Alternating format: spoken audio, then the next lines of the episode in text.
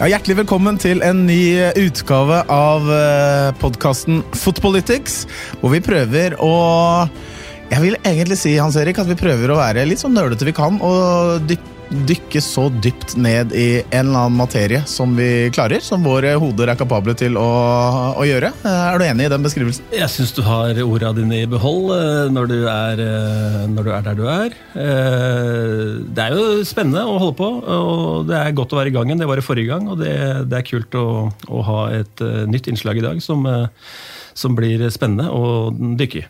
Ja, Fotballverden den skrider jo eh, framover. Vi nærmer oss jo en spennende sesongavslutning i norsk fotball. Der har jo landslaget vært i aksjon uten altfor mye hell i akkurat i de siste kampene, i hvert fall. Eh, Eliteserien Obos-ligaen eh, nærmer seg klimaks. Ålesund allerede rykka opp. Gratulerer til de. Og vi har sett engelsk fotball i det siste, med en storkamp på Old Trafford denne helgen. Det er jo mye som skjer. Felles for alle de vi har snakka om nå, det er jo at de er idrettsutøvere som eh, gjennom årrekke har bygd opp sin fysikk til å være best mulig i idretten fotball. Ja, det er riktig. Det trenes, eh, og selvfølgelig fotball har jo fryktelig mange aspekter, og det er jo komplekse eh, saker vi, vi snakker om her. Eh, men det å ha en kropp som fungerer, og som fungerer i hardt vær og over lang tid, det er selvfølgelig helt avgjørende. I norsk fotball da, så har vi liksom aldri helt klart å nå opp. Vi hadde kanskje et lite blaff midt på 90-tallet eh, da vi var ranka som nummer eh, to i, eh, i, verden. og Da snakker vi selvfølgelig om herrefotball. For damefotballen der er de klart å, å være i, i, verdenstoppen over tid. Men i herrefotballen så har vi liksom ikke klart å nå helt opp. Det klarer vi ofte i individuelle idretter, hvor vi har olympiske mestere, verdensmestere en masse.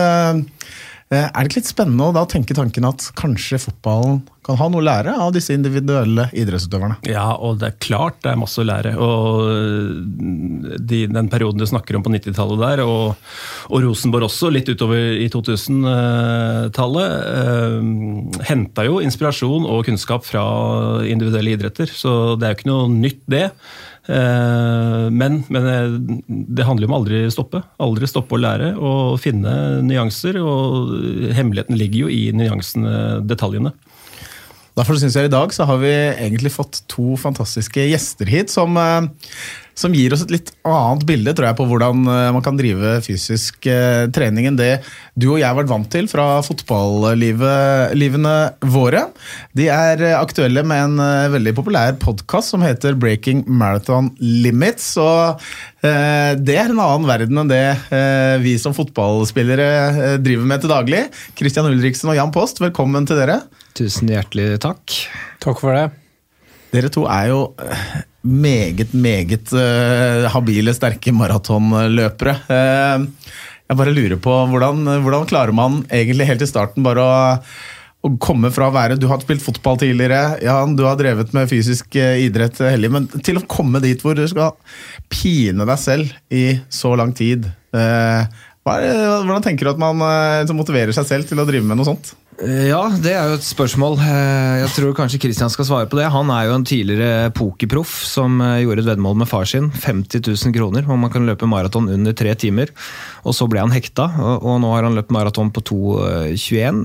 Og det er ganske godt gjort av en tidligere pokerspiller.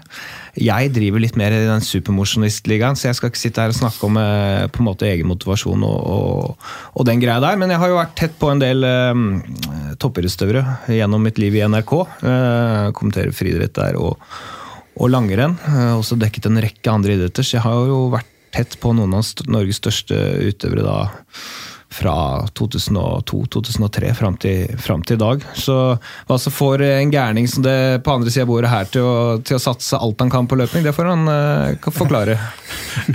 ja, da får høre, Christian. Tidligere har du spilt litt fotball, du har vært innom poker, som uh, Jan sa. Og så har du altså slått deg opp på, som maratonløper. Ja, det, det, veddemålet som dere omtalte, var jo starten på det hele. Men fra i gamle dager, når man var en habil fotballspiller og ingenting mer enn det, så var jeg brukbar å springe. og etter mange år da vi gjorde alt annet enn å trene, så begynte jeg på universitetet, og så havna jeg i klasse med en del eh, gutter som satsa langrenn på brukbart høyt nivå. Så er det jo som det er oppe i Tromsø, eller i Nordpolen, som jeg kaller det, for det er jo ti måneder omtrent med vinter å være der. Så gikk litt på ski, og det ene førte til det andre. Vi begynte å springe etter hvert, og så er jeg en person som må ha noe som driver meg, enten det er resultater eller et veddemål eller noe annet. Så fattern har bestandig vært en sånn kar som har vært interessert i å vedde om ting, så lenge det var mulighet til å få et positivt utslag. Om det var karakterer på skolen eller om det var å vinne fotballkamper, så var han bestandig interessert. Så det ene førte til det andre, og så er det litt sånn med løping at eh, når du først kommer i gang og du får trent ordentlig, så får du ganske raskt fremgang. Og den progresjonen ga mer og mer motivasjon og mer og mer vann på mølla, så har det egentlig bare gått sin gang. Og nå har du på en måte gått all in på dette å bli en så god eh, maratonløper som, eh, som, du kan. Eh, hva, hva, hva, som innebærer det? Hvordan tar man de grepene? Hva har du gjort for å, for å klare å presse grensene enda lenger? da? Nei, det er jo en gang sånn både i fotball og i løping, og egentlig uansett idrett, at hvis du skal hevde deg over tid, så er pri én å holde deg skadefri. Og jo mer du trener, jo mer skadeutsatt er du. Så du må jo sørge for først og fremst at du finner måter som gjør at du tåler å trene mye uten å få avbrekk. Det betyr alt. Så de siste årene der man har blitt mer seriøst og trent mer, så har du også hadde fått en større forståelse av helheten og investert mer tid og selvfølgelig penger i både i fysio og behandling og gjort tiltak som gjør at du ikke får avbrekk. For det er helt avgjørende uansett hvilket nivå du er på. Så får vi jo se videre fremover nå hvordan det blir. Nå har jeg jobb ut november, da, så fra 1.12. er jeg på en måte per definisjon eh, uten arbeid. Så har jo jeg Jan podkasten, og så har jeg noen andre små prosjekt på sida. Men så skal jeg òg bruke litt tid for å være sammen med Sondre Nordstad Moen, da litt på trening med han og litt se hva de holder på med. For det er jo liksom, det er det absolutt verdenstoppen. Det er som om en tippeligaspiller skulle få lov å ta seg en måned med Barcelona på trening. Det tror jeg hadde vært eh, ganske interessant og ganske sånn eh, jeg vet ikke om du skal si sånn mind-blowing, men jeg tror de fleste undervurderer egentlig hvor mye hardt arbeid det er på toppen. Til og med for de med aller størst talent. Eh, Hans Erik, vi har jo spilt fotball hele våre liv, og føler jo at vi har gitt det vi har for å makse vårt potensial. Men tror du egentlig norske fotballspillere som Kristian eh, er inne på her, og som Jan nevnte med de, de største idrettsutøverne som han har holdt med på i, eh, i alle år, tror du, tror du norske fotballspillere legger like mye i det? Det er jo, eh, for å bruke Jan Post sine ord, det er et spørsmål. Ja og nei. Og så veit jeg ikke Eller jeg veit kanskje at hvis jeg vekter mest på nei Jeg tror det er utrolig mye å gå på. Jeg tror ikke vi har eh, sprengt noen grenser når det kommer til hvor mye og hvor bra du kan trene. Eh, fotball er jo et lagspill, og du, du er avhengig av veldig mange faktorer. Eh, som selvfølgelig kan gjøre deg bedre. Og så kan det i andre sammenhenger også være en slags hvilepute. Da. At du, du, må ikke være på maks hver dag for å vinne, fordi du har eh, ti eller flere lagkamerater eh, som hjelper deg til å, til å gjøre det, akkurat, akkurat det. Eh, det som gutta snakker om her. Så hvis ikke du er eh, topp skjerpa, eh, maks skjerpa når startpistolen går, så er du på en måte for seint ute. Og da kan du begynne å angre på de dagene du ikke var maks skjerpa og maks preppa til den økta og den økta og den økta og alt det som kreves for å, for å bli god nok. Så jeg er helt sikker på, altså fysiologisk så så er eh, fotball og maraton, eller fotball og andre individuelle idretter, har, det er et eh, ganske stort sprik, sånn fysiologisk sett. Eh, men på det mentale tror jeg vi har veldig mye å lære. Og det er noe av det som jeg gleder meg mest til her i dag, er å, å høre på hva som foregår inni skallen til de gutta som veit at uh, det kommer til å gjøre vondt i starten, og det kommer til å være lidelse til slutt. Kjenner du deg igjen? Er det vondt i starten og bare blir verre og verre, Jan? Ja, Det er jo ofte sånn at eh, foran et maratonløp så er det jo ja, Man er jo engstelig selvfølgelig for resultatet. De beste i verden har da trent et halvt år bare for dette ene løpet. Det var ikke noe match i forrige uke, det er ikke noe match i neste uke hvor eh, de kan rette opp resultatet. Det er nå. Eh, har du blitt sjuk, så ryker det halvåret, på en måte. Det gjør jo at det blir et veldig press. Men likevel så er de kanskje nervøse på forhånd, kanskje mest for hvor, hvor, hvor, vondt det kommer til å gjøre. Har du en dårlig dag, så gjør det veldig vondt. Har du en rå dag, så gjør det faktisk ikke så vondt. Så da tar adrenalin og form deg helt i mål. Så det er litt sånn ting rundt det. Eh, men det er veldig press da, akkurat på maraton når det gjelder det med den ene anledningen. For eh, når du har lagt alt i potten, kanskje vært 150 eh, dager i høyden, isolert fra omverdenen, familie, venner, og, står opp klokka seks, trener, spiser, sover, spiser, trener legger deg i ni-ti-tida og, og, står opp igjen eh, et halvt år, og alt kommer ned.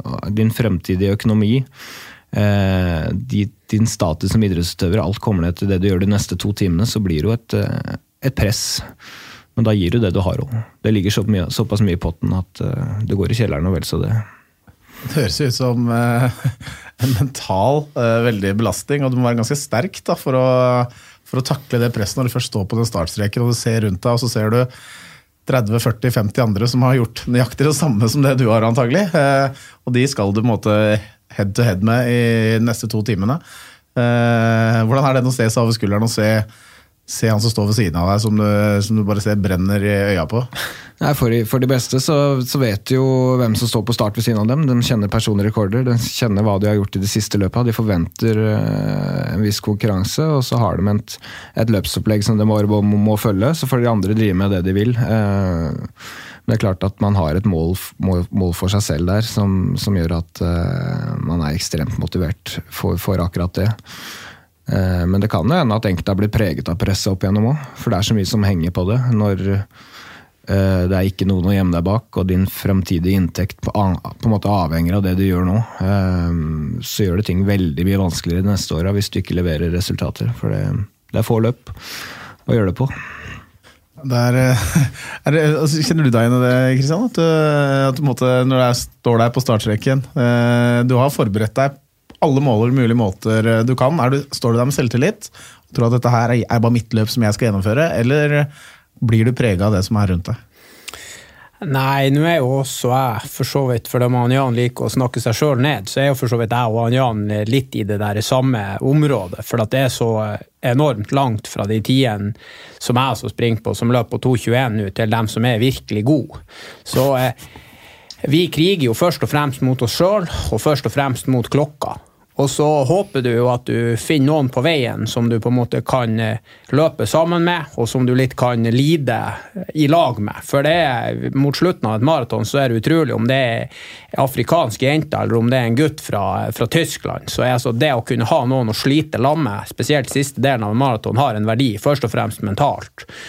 Så eh, vi er jo mest opptatt av oss sjøl og mest opptatt av å få løpt et sånt jevnt løp. Men så er det også sånn på maraton, hvis du gjør ordentlig forarbeid, så starter egentlig distansen rundt 30 eller par og 30 km. Før den tid så handler det egentlig kun om transport, gjøre det du skal, springe økonomisk billig, få i deg drikke og på en måte eh, ja, gjøre deg klar til den der siste matchen. For det er alt før 30 km, det, det, vet du. Hvis du ikke vet det, så har du ikke gjort treningsinnsatsen som skal til. Og det er litt det unike med maraton òg. Så hvis du kjenner at det, det, det blir litt stiv i beina etter 12 km, så, så har du rett og slett en dårlig dag. Da mister du litt troa på at du Ja, Da vil jeg nesten gå så langt at da har du ikke trent det, det du skal trene på i forkant av løpet.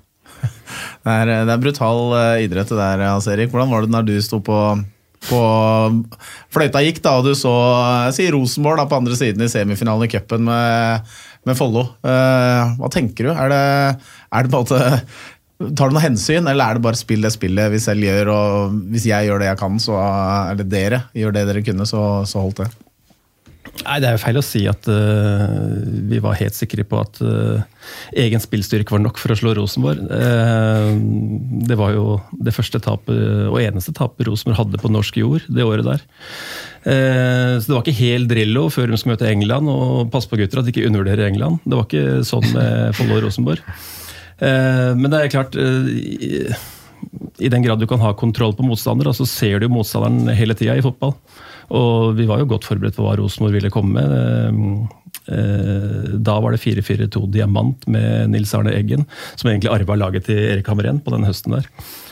Eh, så vi hadde jo god koll på Rosenborg, men så er det jo uendelige situasjoner der ute som du skal løse på best mulig vis, da, på fordelaktig vis for eget lag. Og det, det var en dag som ting klaffa for oss. og Og mange spillere hadde en uh, bortimot maksdag, og det snakker vi om altfor lite i fotball, egentlig. Uh, litt i, tilbake til det jeg sa i stad. at vi hører om disse gutta Jan kommenterer, og, og det Christian sjøl gjør. og De er avhengig av at kroppen funker og at de har en veldig veldig god dag for å kunne prestere opp mot sitt beste. Det er veldig sjelden å høre fotballspillere snakke om at i dag var kroppen fin, og i dag funka det for meg. Så um, der tror jeg det handler om bevissthet og kunnskap for, for spillere. Og eh, du kan vel også i fotball eh, så er det vel tendens til at du, du kan bli påvirka eller smitta av medspilleren nå. Da. Hvis en medspiller er i fyr og flamme, så er det lettere å være i fyr og flamme sjøl. Og, og, på andre sida, hvis en, en, medspiller er eh, under båten, så, så kan du hende du tar følget ditt også. Eh, men det, det, er jo det er litt av clouet her. Å finne, å finne, forståelsen til dere som, eh, som er avhengig av kundere sjøl, på en måte. Det er jo flere ting som er interessant med fotball når det kommer til trening. Det ene er jo at det er så mange matcher. Eh, det er vanskelig å bygge en toppform. Det er hele tiden ting som skal prioriteres. Man skal være pigg i beina neste helg. Kanskje ikke neste helg, det er bare tre-fire dager til neste eh, match. Og det opplever jeg eh, toppidrettsutøvere fra andre idretter som har vært inn i fotballen for å, for å, veilede det fysiske, at de sliter med å få forståelse for at ting må bygges under, over tid. Da. Trenere, fysioterapeuter og andre er veldig opptatt av neste match og det som skal skje. Så det er vanskelig å starte et treningsregime som krever litt kontinuitet. Kanskje kan man tape litt på kort sikt. Har ikke mm. så pigge bein den, den, neste måneden. Uh, det der er en veldig diskusjon da, innad i, i toppklubber i, i Norge. Uh, og, og, når skal man egentlig få trent? Uh, du har jo pause på sommeren. Den mener jeg man må utnyttes maksimalt treningsmessig. Jeg har ikke inntrykk av at absolutt alle toppspillere i Norge tenker sånn, i hvert fall. Men når skal man få trent, da? Mm. Og, og, det er jo en, en, pause på vinteren som blir kortere og kortere i Norge. Den må selvfølgelig utnyttes. Og så må man ha litt eh, ro for å få pleid kroppen, bli kvitt skader og, og få litt mentalt break. Eh, også oppi det her, men det er viktig at man er utrolig bevisst på, på når man faktisk kan dytte inn trening. Eh, hvordan legger man den opp i uke hvis det er to matcher, én mm. match? Uh, hva skal til for at hver enkelt kropp fungerer på det beste? Da? Det er ikke sikkert det er det samme for alle 2025 i stallen. Nei, og det tror jeg er et særs viktig poeng. og vi hadde jo, Da jeg var i Kongsvinger, så hadde vi italiensk fysisk trener som uh, var veldig opptatt av det. Vi har jo hatt en tradisjon, kultur i Norge, på at restitusjonsøkt dagen etter kamp, eller eventuelt to dager etter kamp, hvor alle gjør det samme. Som har spilt 60 minutter eller mer. Mens Lidio eh, hos oss var jo da veldig opptatt av at spillere har andre, eller har forskjellige reaksjoner på, på, kampen.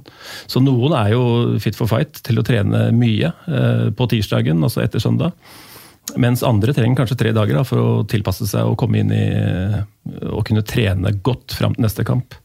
Så det, det tror jeg altså, Fotball er et lagspill, og det er svært komplekst. Men eh, det fins så mange rom å forsterke når det kommer til individet, tror jeg.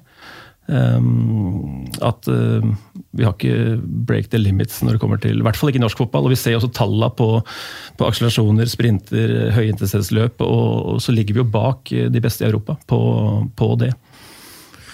Kristian, du, du, har prøvd å bli en veldig god fotballspiller, og nå holder du på med å gjøre akkurat det samme som maratonløper. Hva, hva, er de ulike kravene? Hva, hva, slags egenskaper trenger du som maratonløper som du, som du kunne bare legge bort egentlig som fotballspiller, og vice versa?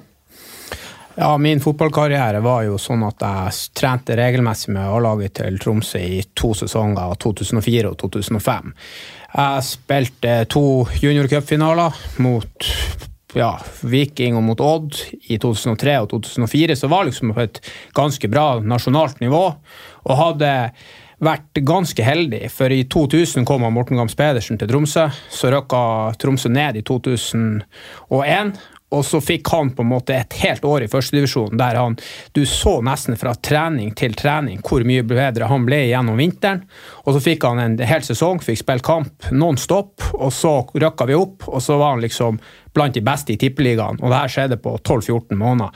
Så alle vi som var 15-16-17 år der, vi, vi, skjønte jo ganske tidlig Vi så hva han gjorde på trening hver dag, vi så den motivasjonen og den, den lysta han hadde for å bli god, vi så den rollen faren hans hadde, og vi var på en måte Vi, vi gikk fra å være uvitende unggutter på et brukbart norsk nivå til å egentlig forstå at ok, han her er såpass god, han legger ned en så stor treningsjobb, og det gikk så fort fra han også liksom var, var, blant oss nesten, liksom, til å bli solgt til Blackburn for 30 millioner og spille fast i Premier League. Så vi var, vi var på en måte litt heldige der, mange som fikk, fikk sett den der reisa fra dag til dag.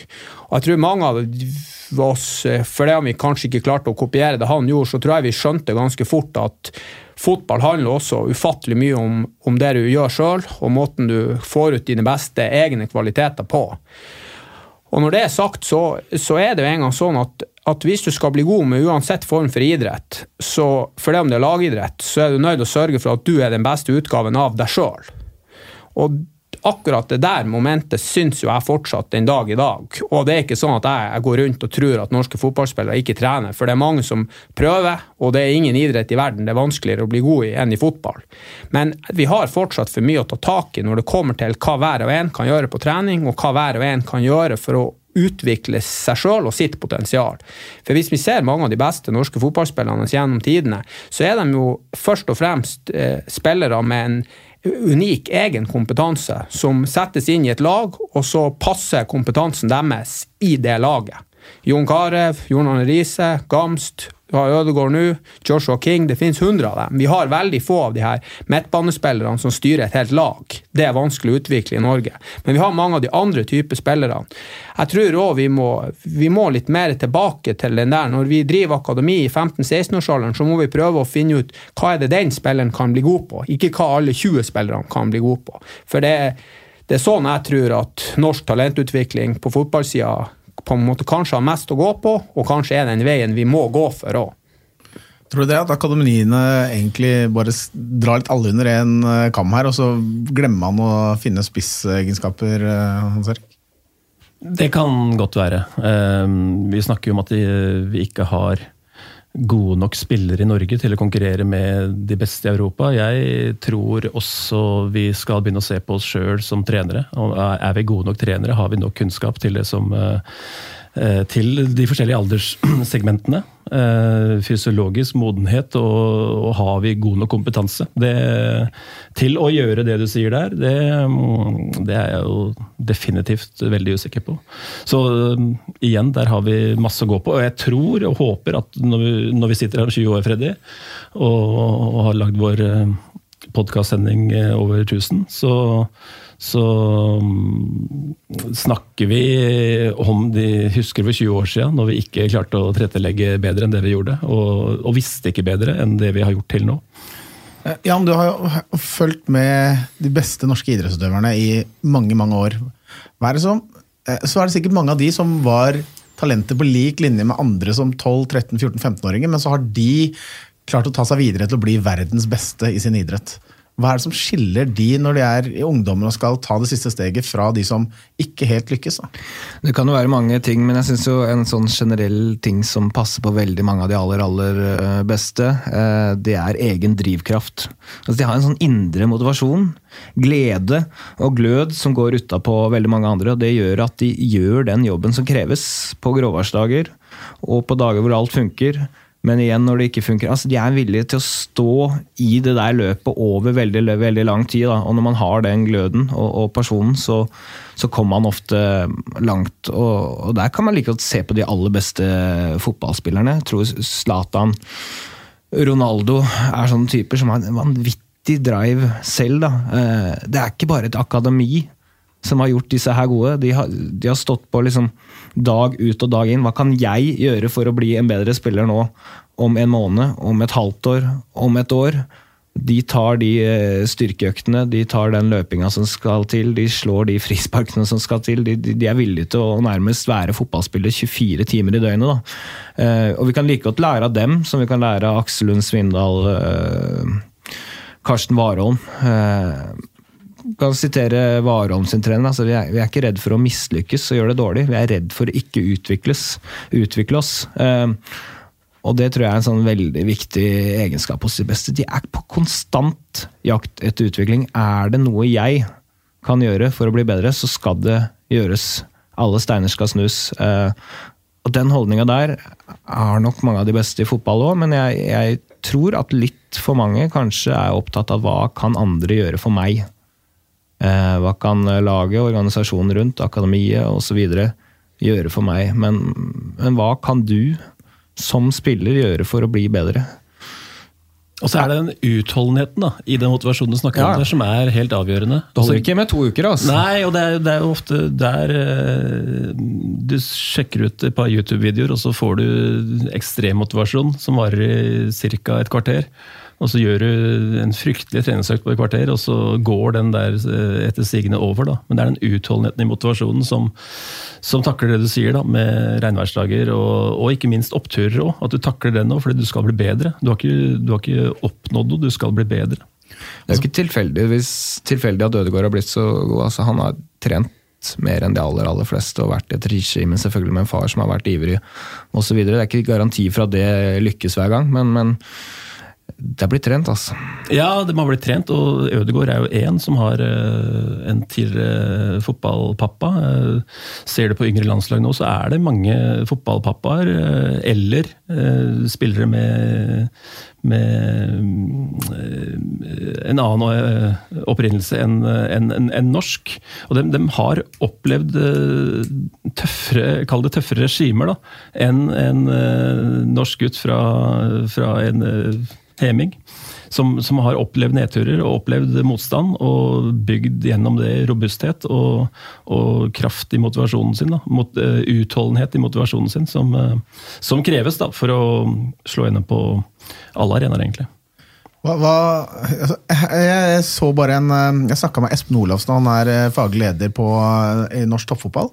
Han nevnte for meg, for jeg sa jeg skulle snakke om, eh, om fysisk trening. og Så sa han at det, det var en svensk eh, idrettsfysiolog eh, som også er sånn eh, en dopingekspert. altså Han jobbet eh, i antidoping i Sverige.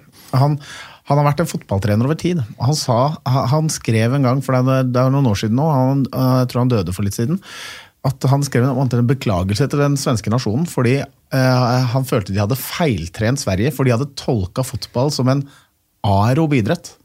Men han mener det er jo en anaerob idrett. Det er sånn Når man ser der ute nå, så har man egentlig gått fra de der gode gamle Jeg tror ikke, jeg tror ikke man ser eh, Manchester United eller hvilket som helst annet lag drive og løpe fire ganger fire minutter, eller som jeg drev med i Skeid eh, oppå Kjelsås der. Vi løp altså, mil etter mil, en lang strekke der oppe på vintertreninga.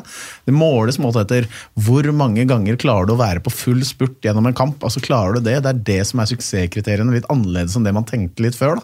Har man liksom vært litt sånn naiv og dårlig på fysisk trening, både i Sverige og i Norge, for vi er vel ganske like på akkurat det området. Det er klart at jeg, jeg, jeg kjenner jo ikke veldig veldig godt til åssen fysisk trening drives i fotball. Eh, Jeg har noen tanker når det kommer til fire ganger fire. Det kan vi jo også være eh, innom. Men, men slik jeg tenker da, så er eh, fotball samler mange av de største fysiske talentene i, i verden. Det er ekstremt hardt å hevde seg. Og, og jeg tenker sånn så at når vi skal drive kvalitetstrening i fotball, så må det være fotball. Altså, eh, du skal ha pigge bein, du skal være ekstremt på hugget når du driver det mest intensive innen fotball, for det er det mest spesifikke du kan trene.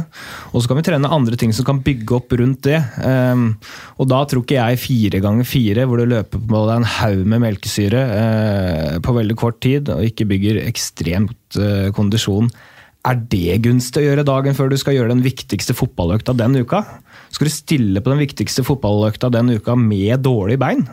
Det har jeg aldri skjønt noen verden ting av. Da ville jeg heller løpt eh, saktere, flere drag, eh, og ikke dratt på deg melkesyre. Det er klart at eh, Brødrene Ingebrigtsen de, de drar omtrent ikke på seg melkesyre på trening utenom én økt i uka. Så hvorfor skal en haug med fotballspillere stå og klinke til på fire ganger fire og dra på seg full av syre uke ut, uke inn? Eh, det har jeg aldri forstått, og det kommer jeg aldri til å forstå. Eh, for meg så er liksom man må peke ut de viktigste to-tre tingene man skal gjøre i en uke. Da skal man i hvert fall være noenlunde pigg, og så får man gjøre andre ting som kanskje gjør at, uh, at du har bedre utholdenhet, kanskje kan, kan ha et bedre fundament å bygge den kvalitetstreninga på. Da. Og Det gjelder både styrketrening, um, eh, og, og, kondisjon. Det er sånn jeg tenker ut fra, fra, det perspektivet jeg har, men som sagt så kjenner jeg ikke fotballtreninga eh, godt nok fysisk. Nei, det var nok eh, spesielt da begynnelsen av 2000-tallet, hvor eh, fire ganger fire var eh, det nye heiteste og største som, som hadde truffet oss i, i norsk fotball. Jeg, jeg, håper jo og tror at det, det verste type regime av den sort er ut av fotballen. Selv om noen fortsatt sverger til det. Og det, det er jo det er jo en motsetning til hvordan fotball er. Du trener jo på noe som du ikke skal bruke i kamp, egentlig. Selv om motoren, som eh, disse forkjemperne kaller det, blir på en måte større, så, så du trimmer feil motor da, i forhold til idretten du skal utøve. Det er jo eh, Jeg deler eh, Jan sin skepsis til det, altså. Definitivt. Du har jo vært liksom, prøvd å trene deg opp til å få den beste fysikken for ulike idretter. Kjenner du igjen at det er ulike treningsmetoder som skal til for å lykkes i de forskjellige? Kristian? Ja, og så er det først og fremst eh, en mye større forskjell i hva hver enkelt fotballspiller trenger av trening, enn det det har vært prioritert. I hvert fall i den perioden vi prater om nå, som er tidlig på 2000-tallet, der jeg sjøl var en del av, av fotballen. Og det, det andre som, som, slår meg litt, og jeg er jo en ihuga fotballsupporter en dag i dag, er at i, i, i, dagens samfunn så er vi nesten kommet dit nå at vi har sånn NTG og U òg nå. Altså, vi er på ungdomsskolenivå, der du starter egentlig en sånn rød tråd med sammensatt trening som skal lede opp til et A-lag. Altså, når, når, vi for så vidt spilte fotball, og, ja, og dere òg, så gikk jo folk både på vanlig ungdomsskole og vanlig videregående. Hvis du droppa ut av videregående, da skulle du nesten være ekstremt god, eller nesten ha foreldre som ikke, som ikke brydde seg om hva du holdt på med. Nå, ser vi jo en helt annen sammensetning av profesjonalitet i, i veldig ung alder. og det er klart at hvis vi hvis vi mener at den, den veien for å utvikle fotballspillere er for å tjene penger, er å starte når du begynner på ungdomsskolen, så må vi i hvert fall forsikre oss om at vi har de riktige trenerressursene og den riktige forståelsen for hvordan er det vi bygger opp 13-14-15-åringer. Hvordan skal vi få dem best mulig, sånn at når de er 18, kan vi selge dem til, til det neste steget. Og jeg håper jo og tror at vi ikke er på fire ganger fire på 13-åringer, for da, da, blir det aldri fotballspillere i Norge. Så uh, dårlig enkelt tror jeg det er. Det er vel blitt eh, et annet type regime nå av, av fysisk trening i, i, Norge, hvor man kanskje har tatt den gammeldagse fysiske treneren som hadde dette til, å, til, eh, at hovedtreneren har mer ansvar for den fysiske delen, hvor det, det foregår gjennom spill og fotballrelaterte eh, øvelser? På toppnivå i stor grad, og, og takk for det. Og så har vi jo trenere på yngre, som du som er innom her, som som har spilt fotball en gang sjøl, eh, er eh, i et annet virke når det kommer til yrket, altså eh, i mangel av noe bedre, er advokat eller er rørlegger eller er baker og skal trene guttungen på si. Og det er klart, Han har spilt fotball sjøl, han har hatt en trener før, og veldig ofte så vil han som har blitt trener, gjøre det hans trener gjorde 20 år tilbake som igjen gjorde sine greier fordi han hadde en trener 20 år tilbake der igjen. Så vi driver jo med gammelt stoff på mange av våre yngre fotballspillere. Og det er naturligvis uh, kilent altså, i forhold til å konkurrere med de beste i Europa. Uten, altså, og nå, nå, er det jo viktig å si da, at uh, foreldretreneren som jeg karakteriserer nå, han, uh, han har mye godt med seg òg.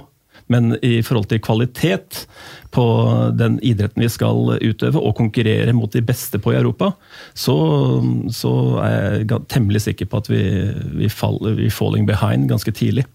Er ikke en av suksesskriteriene å være nysgjerrig på det på utviklingen i idretten din, og på jo. utviklingen som foregår eh, på, på, fysikk og på andre tekniske, taktiske deler av en idrett? Jan? Ja, Det er eh, et annet kriterium som du ser hos mange av de beste. Se Ole Einar Bjørndalen, selv den dag i dag. Han er så nysgjerrig da, på hva alt alt og alle driver med. Altså, han kan begynne å spørre meg om hvordan jeg trener eh, maraton når jeg møter han. Altså, det tror jeg kan ha mye å lære av. Men, men, sånn er han som type. da. Og Han graver og spør da i utstyrsting, tekniske ting og treningsting på alle han, alle han, møter. Og sånn er veldig mange av de beste. De er åpne. De, de vil eh, oppsøke folk på ulike felter eh, som eh, som gjør at de kan lære noe. Eh, Og det tenker jeg litt som fotball. Hva er viktig i, i moderne fotballdag? Er det f.eks. hurtighet? Har man slått fast at det er viktig? Eh, At man må være ekstremt rask? Hvem er best på det i Norge? Hvem er best på det i verden? Er det noe å hente her? Eh, sånne type ting. Altså, man kan tenke sånn på alle kvaliteter. da. Og så kan man dra inn noen ting, og så må man begynne med de tingene man kan sette kontinuitet på. For det nytter ikke å holde på med det her i, i tre-fire uker. Eh, hvis man skal ha et prosjekt der man skal prøve å, å få et par-tre nøkkelspillere til å bli raskere, så må de settes da eh, i et system som kan gjøre dem raskere over, over et år eller to eller tre, eh, og se om det har noen virkning. Jeg sier ikke at alle skal gjøre det, men, men, men det er litt sånn tankegangen. da. Hvem kan lære oss noe på dette feltet? Kan vi hente inn, eh, hente inn noe ekspertise? Så er det hurtighet i fotball. Da. En ting er hvor fort du kommer fra A til B. Kanskje du må innom C før du kommer til B, eller skal til B, fordi ballen får en sprett eller kommer innom en motspiller. Og så er det da hastigheten du har i, i topplokket. Altså mer det kognitive oppfattelsen av når Det hjelper ikke å løpe vanvittig kjapt til høyre hvis du skulle dratt til venstre, f.eks. Så oppfattelsen der er jo helt avgjørende for å, for å nå eh, eller kommer først på ballen, da, som jeg hører mange snakker om. Først på ballen. Først på ballen, ja. Andre ball! eh, ikke sant? Men eh, vår gode redaksjonskollega Vidar han, han, han sendte oss en, eh, en sånn presentasjon som han hadde kommet over, hvor det står en del sånn indikatorer på hva som er egentlig en eh, Det står 'bad judgment'. Eh, hva er indikator på dårlig eh, judgment? Da? Jeg husker ikke hva man skal kalle oversette det til. Men det, Der står det bl.a. at man har sterke meninger og eh, enkle løsninger på vanskelige spørsmål. Og at man ser etter fakta for å, for å bevise at det jeg selv allerede tenker er riktig. At man underbygger sin egen oppfatning til hver tid. Og det er vel det motsatte av det å være søkende til, etter ny kunnskap. For det er vel sånn man drar seg framover i idretten, også i din verden, Kristian? Ja, og så opplever jeg jo at, at det er for, for mange fotballspillere som er på et høyt nivå, 15-16 år, og så er de nesten helt kunnskapsløse om hva som skal til for deres egen del til å bli bedre. Altså, de er en del av et lag, de er en del av mest sannsynlig gode kompiser med gode relasjoner, men de er på en måte ikke eh, jeg skal ikke si at de ikke er ansvarlige, men de på en måte tar ikke nok ansvar for å, for å sørge for at de sjøl vet hva er min vei videre her. Altså, vi kan gjerne snakke om Martin Ødegaard, vi kan snakke om Gamst, som er mye av, av samme historien, med en far, med en forståelse, med en enorm vilje og lyst, og som på en måte nesten fungerer som en egen trener på sida utenfor treneren.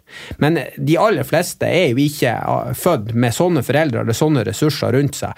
Og da, da må du Vi må utdanne guttene, eller vi må sørge for at de får den det, det faglige påfyllet i ung alder som gjør at de skjønner hvordan de skal bli bedre. Og det er ikke for en sentral midtbanespiller så er det ikke de samme faktorene som skal til som f.eks. Jon Carew når han kom til Vålerenga. Altså, det er andre måter å trene på, og det er andre ting som skal til for å få ut potensialet fra han til han. Og jeg tror vi, vi må søke mer den biten i, i ung alder på fotballen. Vi må, vi må slutte å trene 20 mann som 20 mann. Vi må trene 20 mann som om de er én og én, og så må vi sette sammen et lag. Hvordan legger du opp den, den individuelle treninga di som, som trener for et fotballag? Har du tid i det hele tatt til å ta vare på de hensynene, eller er det litt opp til den enkelte spilleren å, å egentlig kreve det og gjøre litt av den jobben selv? Eh, nå har jeg vært heldig som har jobba på et nivå hvor vi har fysisk trener da, som tar seg av mange av de individuelle behovene. Eh, men det er klart, gjennom spillet da, så, så legges det jo ukesykluser. Eh, og mye av det fysiologiske utvikles gjennom spill. Dvs. Si at høyrebekken får høyrebekkbevegelser eh, mye i løpet av en, eh, en treningsuke. Eh, og venstrekanten det samme, og, og, de som spiller på midten eh, er jo spesialister i hver sine roller, egentlig. Så det, mye legges til rette der. Og så er det klart alt av det fysiologiske, eh, med tanke på styrke, med tanke på utholdenhet, også er påvirka av hvilken rolle de har i laget. Og ikke minst spillestilen laget har, og, og hvilke aksjoner som som mine spillere har flest av da, i løpet av en kamp, som selvfølgelig trenger å være på høyest mulig nivå. Jan, Du nevnte Aksel Lund Svindal som et eksempel. Um, og andre, Ole Einar Bjørndal eksempel, de er jo individuelle idrettsutøvere, men befinner seg i et lag som trener sammen. Hvordan, Hvordan klarer de måte, å, dytte hverandre til å bli bedre? For det, det virker som de har et så godt, spesielt alpinlandslaget, for de har et så godt miljø at uh, de selv klarer å pushe hverandre, både seg selv, men også hverandre til å ta de ekstra stegene. Ja, Det er vanskelig å sette fingeren akkurat på det, men ja, dette er jo eksempler på lag som hele tiden har tatt noen av verdens beste. Det er klart Med en gang du har en sånn ledestjerne, så vil alle dit. Alle er sugne på å lære av de beste. Eh, det blir jo som at uh, fotballspillere i Norge da kommer inn på, på, et lavere nivå og fikk være på lag med, med Ronaldo og Messi, liksom. Uh, I den idretten så er det jo sånn. Og det er klart at Hvis du hadde havna på lag med Ronaldo Messi, så hadde du hatt noen spørsmål, og du hadde vært ekstremt eh, oppmerksom på hva som skjedde på trening. Eh, og det får jo disse unge utøverne som kommer opp i disse idrettene. Og så vil de ta steg nærmere og nærmere lederen, og, den som er best, vil jo gjerne ikke bli tatt igjen. Eh, og det er effekter, og det er jo alltid hyggeligere å gå på trening eh, og slite sammen enn å slite alene. Eh, det er lettere å stå opp klokka seks om morgenen eh, for å dra ut og kjøre på ski når du ser at verdens beste gjør det hver dag hele vinteren. Eh, da og du ser at han er mye bedre enn deg, så kan du ikke la være å stå opp klokka seks om morgenen og bli med på de treningene. Altså, det er en del sånn effekter rundt det på, på lag på, på, den skalaen der som, som, er veldig bra. Da. Og det er etablerte treningsmiljøer eh, som over tiår har vist at de eh, gjør ting blant de beste i verden.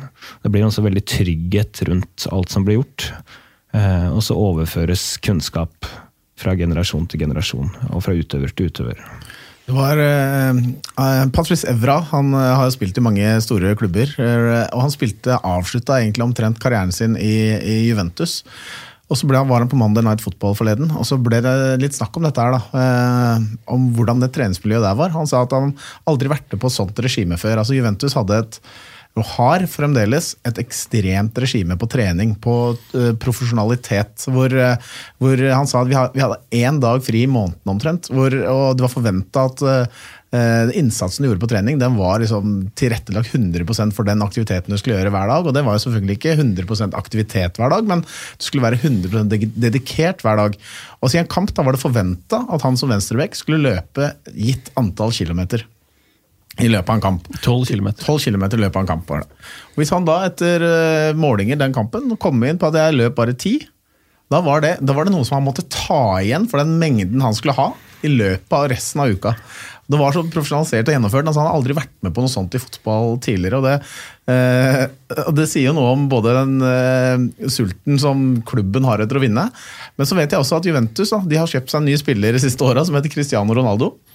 Eh, han, eh, når han kom til klubben, så ble alle spillerne de ble så overraska. Fordi når de kom på trening på morgenen i dette strenge regimet, så var han allerede der. Mm. Og når han dro hjem, så ble, når de andre dro hjem, så, så, var han igjen.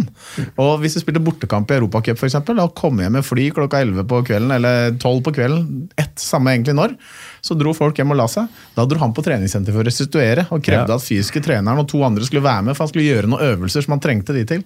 Så han satt imot en ny, helt ny standard, og det sier vel akkurat noe sånn som det du er inne på nå, da, at ledestjerna gjør det, og da får du på en måte med deg resten også. Det der er jo fantastisk å høre, for det er det, er det jo norsk fotball bør være nysgjerrig på. Hva skjer sånne steder? Eh, og dette her minner jo om det jeg ser i individuell idrett. Eh, at ja, Ta Ingebrigtsen som, som, et eksempel. Var i Roma i år. Eh, Ingebrigtsen løp 5000 meter klokka ti på kvelden. Så treffer jeg han klokka ni-ti på morgenen på flyplassen dagen etter. Så hva har du gjort siden i går? Nei, først var det da intervalltrening etter den 5000-meteren på banen utenfor stadion. Eh, I sånn passe fart, som skulle sette fart på restitusjonen. Så har han da sovet, så har han kjørt en ny intervalløkt på morgenen da, eh, også med tanke på restitusjonen. Og det er jo ja, Den første gikk vel da klokka 11-halv 12 på kvelden, eh, og neste da 7 om morgenen. For de, det er det de mener eh, gjør at han løper best helga etter. Og sånn står de der gutta på tredemølla rundt midnatt etter Diamond League-stevner, når alle tror de slapper av etter et godt løp. Da er de allerede i regimet sitt. Så detter ut av heisen klokka sju morgenen etter, for det er ting som skal gjøres før avreise. Eh, og det minner jo om det du forteller om Ronaldo her. Og det jeg tenker at fotballen det er jo veldig ofte gode organisasjoner rundt fotballen. Eh, man kommer tidlig inn. Det er fin tilgang på fysioterapeuter, trenere, treningsfasiliteter. Eh, ofte får man en lønn som gjør at man kan leve av det ganske tidlig. Og da har man jo alle muligheter døgnet rundt å tenke hvordan skal jeg bli best mulig fotballspiller? Og hvis alle har den tankegangen til Ronaldo da, skal jeg stå og slå frispark et kvarter eller ekstra på morgenen eller på kvelden? Er det noe styrketrening jeg bør gjøre? Er jeg skadeutsatt på et eller annet? Kan jeg gjøre noen enkle øvelser i kveld som gjør at jeg blir mindre skadeutsatt? Kanskje jeg får trent uten skader i tre-fire år? Kontinuitet er alfa og omega. Man må hele tiden lete etter de løsningene da. Kanskje er det sånn at det er vanskelig å plassere hard styrketrening i løpet av en treningsuke fotball. Kanskje skulle man kjørt det etter match, som enkelte hockeyspillere gjør. Eh, også andre idrettsutøvere. Altså Man må lete etter de løsningene. Da. Det er ikke selvsagt at man skal bare sette seg ned i garderoben og spise godt og gå hjem og, og være fornøyd med matchen. Kanskje må man utfordre sånn, sånn holdninger på det her. Altså Man skal hele tiden Hva er best fysisk nå, med tanke på det som skjer? Og så må man gjennomføre. Gjennomføringskraft. Man må ikke bare tenke det, man må gjøre det gang på gang på gang. på gang. Du er jo en del av et norsk trenermiljø. Kjenner du igjen eh, Hans Erik, kjenner du igjen at er, er man så sulten på ny kunnskap at man, man utfordrer etablerte sannheter, sånn som uh, Jan her nevner her? Jeg kjenner jo jeg blir motivert av å høre Jan prate, for det er, jo, det er jo dit man må for å bli best. Uh, uh, Paco, som trener U19-landslaget, var jo i i Polen sammen med Henning Berg og Kaso Koloski. Og der opplevde han jo utøvere som Altså De spilte Europa League på torsdag kveld. Var ferdig som du er inne på, halv tolv på kvelden. Og så er det en gruppe, altså De spilte jo ofte med to elvere, en i, eller mer eller mindre to elvere. Én i Europa League og én i, en i serien. Så de som ikke spilte Europaligakamp på torsdag kveld, da, de måtte jo preppe seg til søndagens kamp. Og så kunne de ikke trene før kampen i, i stor grad, fordi det kunne jo hende de skulle spille Europaliga også. Så da, da, kom det juniorlagspillere opp, eh, klare til trening rundt midnatt. Og, og, alle gutta som skulle spille på søndag for A-laget, fikk riktig trening i forhold til eh, hvilken dag de var i, og eh, tida de hadde fram til kamp. Eh, ikke én spiller som mokka på det. for eh, de ville lenger enn polsk eliteserie og Europaliga. De ville til Champions League og de ville til en topp fem-liga i Europa. Og da er, da er det på en måte ikke eller det er jo et offer, på sett og vis, men det er ikke et offer fordi eh, de kjemper for en pott som de har utrolig lyst på. Kristian, eh, tenk deg at du skal være 13-14 år. da. Du har den samme ambisjonen om å bli fotballspiller som det du hadde den gang. Med den erfaringsbakgrunnen du har nå. Eh, hva ville du gjort, og hva ville kanskje gjort annerledes eh, nå, kontra da du var i Tromsø på begynnelsen av 2000-tallet?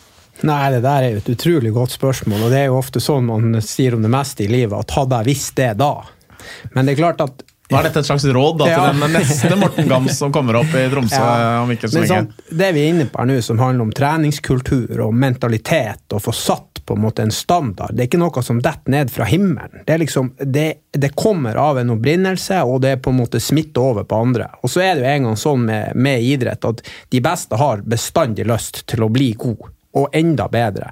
Så jeg skulle kanskje ønske at når vi var 13-14 år, så skulle jeg kanskje ønske at vi hadde et enda sånn en enda Altså, vi, vi, vi så jo hva guttene som var eldre enn oss, gjorde. Vi så jo for så vidt hva, hva A-lagsspillere gjorde, men jeg skulle kanskje ønske at vi var enda mer opptatt av av å gjøre oss sjøl til en bedre fotballspiller, ikke neste uke, men om to år. Og den tankegangen der, hvis du ber en 13-åring om du må tenke langt Du må ikke tenke i uka nå, det er ikke tenk til neste søndag, til kampen, men tenk om to år når du skal spille juniorfotball. Hvis du kommer inn i den tankegangen ganske ung, så tror jeg det blir mye enklere å få satt mange av de, de trenings ja, barometrene i et større system. Altså Hvis du skjønner at ok, jeg er nødt til å bli litt eh, hurtigere, jeg er nødt til å bli bedre og bevege meg sideveis. Jeg må få eh, Høyrefoten bra, men jeg er nødt til å få en bedre venstrefot. Så hvis du får brukt lang tid, så får du et mye større resultat enn hvis du stresser og bruker ett og ett på en måte ei og ei uke. Så jeg vil jo kanskje rådet til både han eh, pappaen som er trener og til han sønnen som prøver å bli god, er at man må, man må ha mye mer langsiktighet på ting. Og så må man sørge for at man får trent bra mange, mange, mange måneder, ikke tre-fire uker, for det holder ikke. Hva tenker du at disse akademiene som kommer opp rundt nå, eh, som er noen eh, Noen spiller jo opp fotball i de store klubbene i Norge, og akademiene der er jo veldig profesjonalisert stort sett overalt nå. Og så er det også noen som kommer opp gjennom andre, litt mindre type eh, treningsmiljøer, da. Men hva er Hva vil dette gi, dette, at man kommer inn i et sånt akademitype uh, miljø fra yngre alder. Vil det gi noe med den her langsiktige tankegangen som Kristian er inne på? eller? Ja, jeg tror og håper det. Altså, akademiene i Norge er jo inspirert av akademiene nedover i Europa. Og mange har jo reist nedover og ser hva de holder på med. Og så er vi kvitt litt den tankegangen at uh, du reiser på studietur til Ajax, og så ser du en pasningsøvelse du faktisk har veldig likhetstrekk med den du bruker sjøl hjemme, og så reiser du hjem og klapper deg på skulderen og sier at de gjør ikke noe annerledes enn oss. Er litt, altså er jo, fotball er svært, og det er utrolig Én ting kan se likt ut, men er helt annerledes. Men jeg tror de beste akademiene i Norge er uh, er på riktig vei. Eh, så er spørsmålet hastigheten i det. Og så er det bevisstheten og kunnskapen du overfører i ung alder til utøver. Og, og det er ikke for alle. Eh, altså Fotball er, som jeg er inne på her, det er utrolig vanskelig å bli eh, bedre enn de fleste. Og så er på en måte konseptet toppidrett og makse potensialet sitt, det er ikke for alle. For det, det er så kronglete vei, da. Uh, men jeg, tror det blir bedre. Jeg håper hastigheten blir enda høyere i, i kunnskap og bevissthet og i utførelse. Uh, sånn som det, I forhold til hvordan det er i dag. Uh, Jan, Hvis du skulle gitt altså, norske unge fotballspillere et råd basert på din erfaringsbakgrunn og det du har sett av andre, hva, og en trener da, som er i tillegg en akademitrener eller en pappatrener eller hvem det er som som er uh, trener en gutt på 14 år. Hva er, hva er, det viktigste å legge vekt på for å ikke lykkes med å vinne eh, Norway Cup det året, men uh, for å vinne litt over tid? da? Eh, jakt, og ikke bli fornøyd, vil jeg si. det fins en del småkonger i barnefotballen og ungdomsfotballen i, i, Norge. Du er kanskje fra et mindre sted i Norge, du er best på laget. Um, og ikke bli fornøyd med det. Ikke bli fornøyd med at du sikrer deg en kontrakt med en eh, eliteserieklubb på et tidlig tidspunkt. Det fins eh, mye du kan gjøre for å utvikle deg fortsatt. Eh, andre individuelle idretter er veldig greie sånn. Hvis du, hvis du, løper 1500 meter, så får du en tid. Ok, du er best i Norge, men eh, det fins ti kenyanere som løper ti sekunder fortere enn deg, så da vet du det. Eh, det er ikke så lett å sette konkrete mål i fotball, men, men, men det vil jo være folk der ute som er eh, mye bedre, stort sett, da, hvis du ikke er et helt ekstremt tilfelle.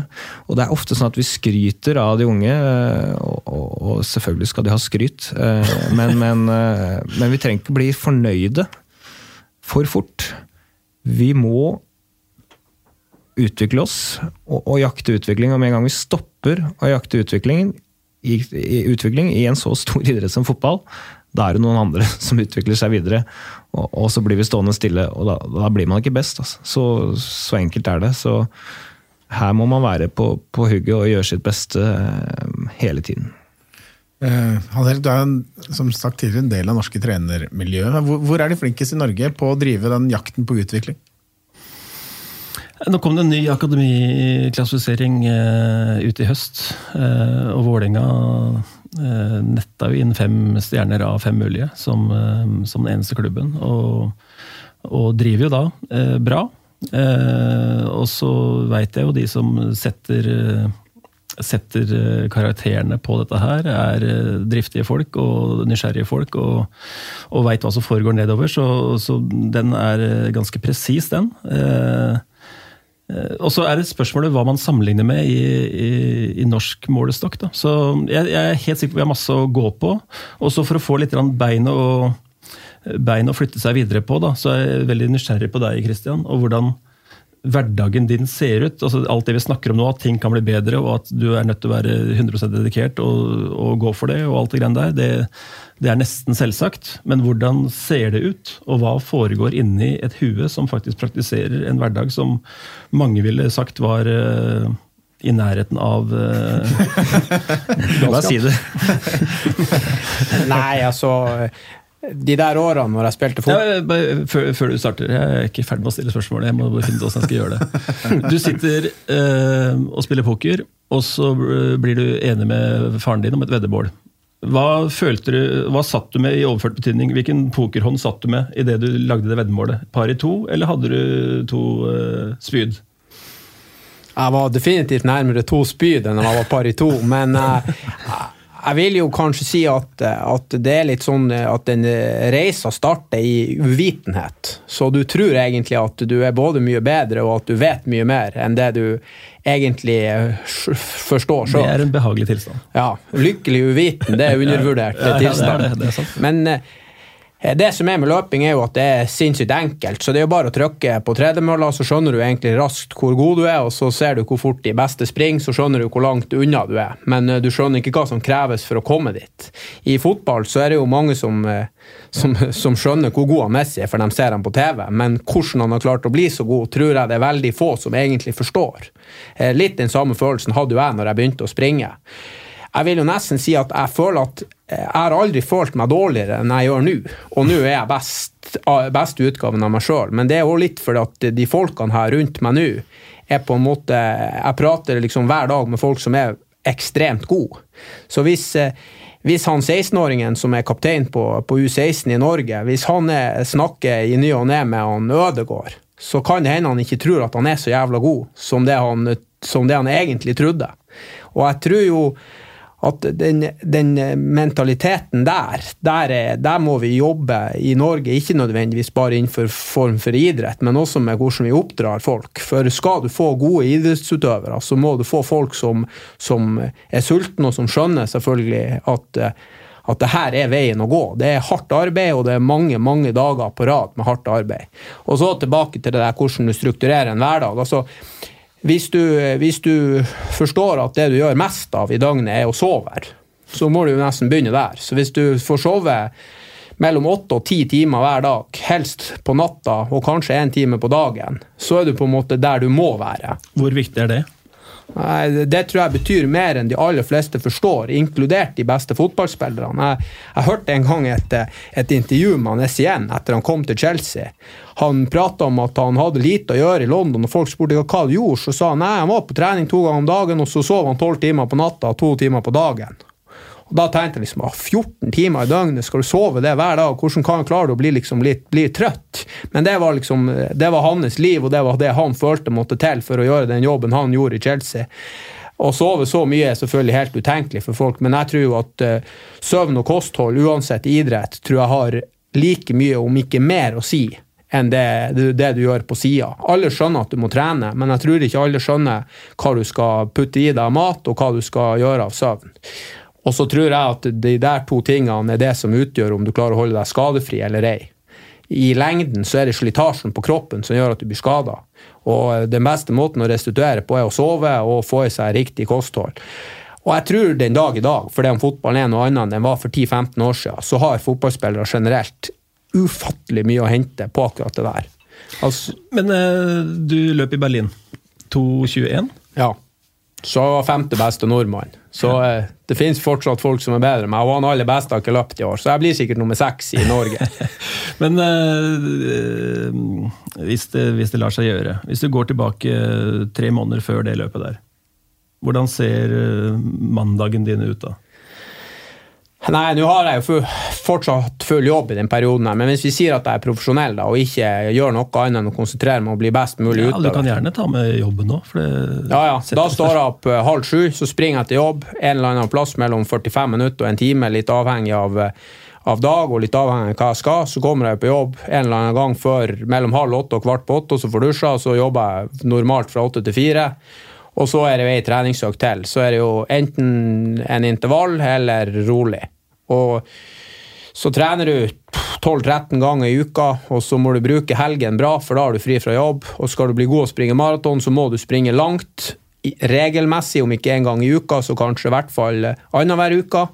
Og så må du sørge for at du får restituert mellom slagene. Og så er det, det lærer jo de aller fleste når du har full jobb òg, at av og til så er det bedre å stå over i treningsøkt enn å trene på død og liv, for at helheten er liksom litt for mye hvis du plusser på et par unger oppå det her, og du får Jan sitt liv, da begynner det å bli virkelig vanskelig. og da, da så Det finnes jo folk som er skikkelig gode, og som springer mye fortere enn det jeg gjør, som både har jobb og unger. men det, da har, de, da har de mest sannsynlig funnet en, en, måte å planlegge på her som er helt alfa og omega. Og planlegging og struktur altså Jo mer du har å gjøre, jo viktigere blir det uansett.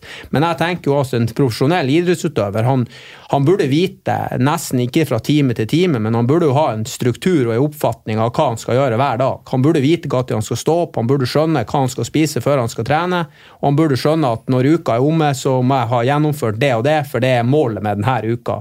Og så er det et, et steg videre. I fotballverden blir jo det ofte å, å gjøre seg klar til neste kamp.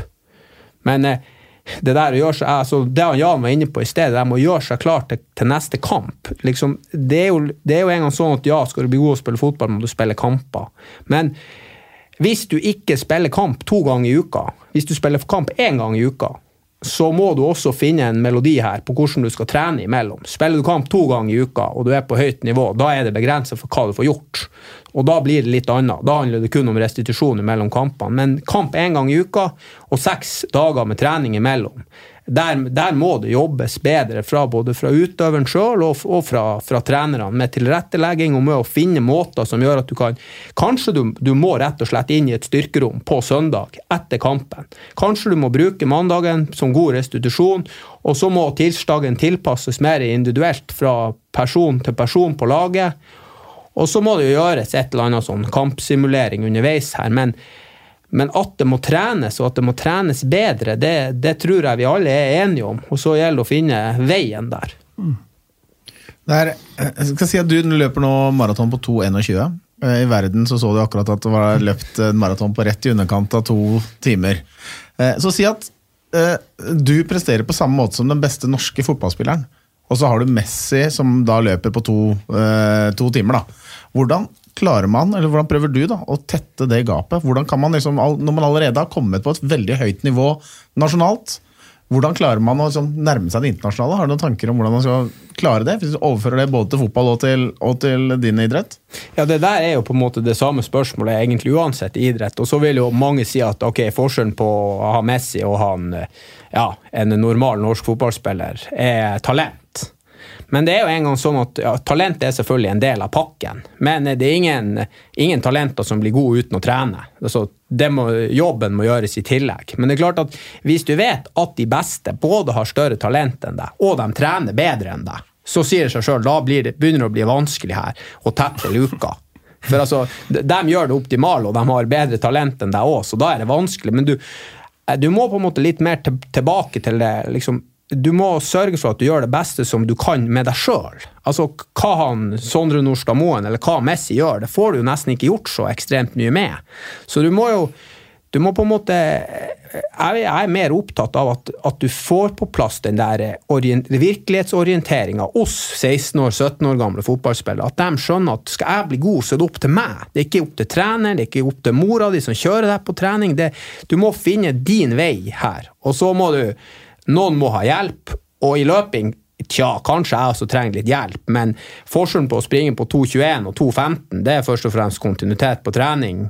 Og gjøre mer av de riktige tingene på trening over en viss over, ja, over flere måneder eller et år fremover. Altså, jeg tror at jeg òg kan bli ganske mye bedre enn, en det jeg er i dag. Jeg kan ikke bli like god som Messi, det vet jeg, men det er ikke noe mål i seg sjøl, for da kunne jeg slutta med en gang. Så må på en måte få ut det beste av deg sjøl. Det er, det er, en sånn viktig ting når man allerede har kommet til å bli kanskje beste Norge, da, eller blant de beste, til å ta den øverste posisjonen i verden. Det, jo, det, er, det konkurrerer jo med det som du sier, det, altså det ypperste av ren fysikk og talent og alt. Men si at man er en altså Norske landslag i yngre alder seg, hevder seg ganske godt sånn i i uh, fotball, i EM og kvalifisering og sånn i, i, i herrefotballen. Men så har vi vanskelig for å få spillere derfra til å bli like gode på A-landslagsnivå, da, eller i, i, i, den eh, internasjonale fotballen. Hvordan blir liksom en 15-åring som er talent i, på langrenn, da, hvordan han, kommer han derfra til å bli verdens beste, eller være på verdens beste landslag? Det er jo i den perioden det kommer fram eh, om man har den indre drivkraften, vil jeg si. Eh, veldig mange kan komme ganske langt på, på talent og, og, være heldig å komme i et eh, ganske bra miljø tidlig. Så vil du bli god ganske tidlig. Hvis du da tillegg har født sånn at du utvikler deg tidlig sånn fysisk, så får du et forsprang på en alder. Eh, så er det jo faren da at, at eh, mange kommer litt for lett til det. Eh, de får ikke noe bilde av egentlig hva som kreves for å bli virkelig, virkelig god. Og Hvis man da møter litt motstand, så kan det bli tungt mentalt. og Det, det, det ser vi alle individuelle idretter òg. Det er voldsomt forfall i den perioden. og Det er en haug av barnestjerner som aldri når opp. og, og Det finnes jo eksempler på barnestjerner som har blitt veldig gode òg, men det finnes også eksempler på folk som har vært nummer 100 i Norge langrenn, som er verdensmestere den dag i dag. og Det er ofte de som har hatt en egen drivkraft da, til, å, til å stå på og gå ut eh, dag ut, dag inn, og gjøre det som kreves fordi at de, de opplever en glede ved det, en, en, mestring, at det gir dem noe, rett og slett. Eh, de trives i den hverdagen som skal til. Og, og da er det kanskje at man må være flinkere på bevisstgjøringen, da. men det er jo bra at Norge henger med på, på det nivået. Eh, så er det jo ikke noe lett. Det er ikke bare å knipse fingra og komme med en regel som sier at alle blir bedre seks-sju år seinere, men det er klart at det er den aller aller viktigste perioden, og kanskje den aller aller vanskeligste perioden nå. Er det aksept liksom i, i norsk, eh, norske yngre landslag da? at det er enere som, som gjør ekstra ting, eller som eh, måte har en annen standard, krever en annen standard enn resten? Er det, er det sånn i, i, fotballen, eller er det bare da skal du liksom være på lik linje med alle andre? Nei, jeg tror det, eller jeg veit det tilrettelegges eh, mer nå på det nivået der. Til eh, altså Spillernes kvaliteter er forskjellige, og, og ja, spillernes egenart er uh, ulike. Så det, det, legges mye bedre til rette for det nå, enn at alle skal uh, måtte innbefatte ett regime. Da. Sånn gjør vi. Vi prøver heller å se på uh, hvilke spisskompetanser vi har i laget, og få det mest mulig fram da, i alle posisjoner. Når det kommer til motivasjon, da, jeg kom på en historie, jeg husker jeg så Sportsspegelen for mange herrens år siden hvor de hadde tatt med ett, ja, ikke, ikke, et stort kamerateam, men et bitte lite kamerateam ut i skauen, ut i en eller annen svensk skog. Eh, en eller annen søndagskveld, det var mørkt og grått og det rima fra trærne. Det var sikkert bikkjekaldt. Og så jakta de på Thomas Vassberg. da. De skulle finne han. Og han kom jo da ut av skauen etter noen minutter. Som det var fantastisk noen tid der, hvor kameraet sto og venta på utøvere. Og det her var jo enda mer amatørforfatning. Så kom jo Vassberg ut etter hvert, med lua langt ned i øya, og skjegget var jo hvitt av rim. Og svetten silte nedover panna på han. Og så spurte han svenske reporteren Thomas Vassberg hva, hva, hva får ni Hvorfor i skogen søndagskveld, og hvor, hvor finner ni motivasjonen til det her? Og så puster jo han og peser, han og Vassberg, før han svarer Oddvar Brå. nemesis, er det det man trenger? Man trenger en nemesis, Jan. ja, men det er, litt, det er litt sånn eh, Og det har jeg snakket med Vebjørn Rodal om, som jeg reiser mye med. Altså, det var ikke egentlig lysten på, på, å vinne som gjorde at han sto i det og trente så ekstremt hardt. Eh, og gjorde det i mange år på rad. Det var det, var det at han hata å tape. Altså Den følelsen her var det verste han visste. Så det måtte måtte gjøre absolutt alt han kunne den, eh, på denne jordkloden for å unngå å tape, og da gjorde han det. Og, og da ble det jo eh, brukbare resultater ut av det, selv om han ikke vant hver gang. Men det, er, det ligger jo litt i det at eh, normale folk får normale resultater. Jeg skal ikke si at det er helt sånn, men det eh, Folk gjør jo ofte ting som andre folk syns er totalt unormalt. da. Om det er å stå opp klokka seks en dag hvor det er tre grader pissregn og blåser fra sida, og, og, løper tre-tre og en halv mil hardt, liksom.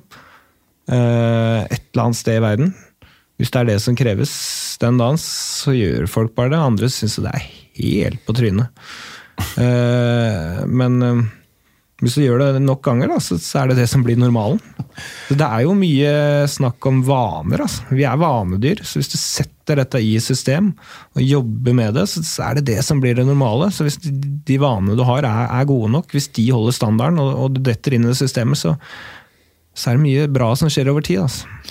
Når motivasjonen etter dette veddemålet med faren din hadde lagt seg, og du hadde løpt et maraton Og så, hva, hva er det da som er drivkreften dine Kristian, for å fortsette å pushe og pushe og pushe og løpe? Det er vel nærmere 20 mil i uka, eller hva du løper. Eh, Hvor finner du da denne, denne litt sånn kalde mandagsmorgenen som det blåser eh, Jeg vet ikke hvordan Jan beskrev det, men eh, det høres ikke så deilig ut. Nei, I starten der så eh, var det å få slått de der skiløperne som var gode på ski på, på vinteren. Det var å få slått dem på sommeren når vi sprang i lag. og så etter hvert som du blir bedre, finner du deg nye folk du vil slå. Jeg er jo ganske stor konkurranseperson av meg, men det er klart at når du er på en måte på maraton så er du så langt unna dem som er gode, at da slåss du jo først og fremst med deg sjøl. Så det er den der, det er der lysta, eller den der ja, jeg vet ikke hva du skal kalle det, den drivkrafta av å finne ut hvor god du sjøl kan bli.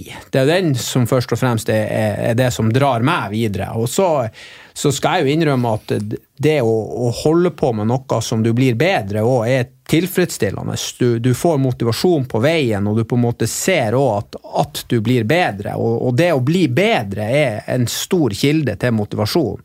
Så det er klart at er du i et miljø, spesielt i fotball, der du, der du ser at både du og guttene rundt deg blir bedre, så, så klarer de fleste å holde seg motivert. Problemet i fotballen er jo at den er så sammensatt at du kan gå sjøl og mene at du blir bedre og bedre, men guttene rundt deg de er både late og de er dårlige, og dere taper kamper.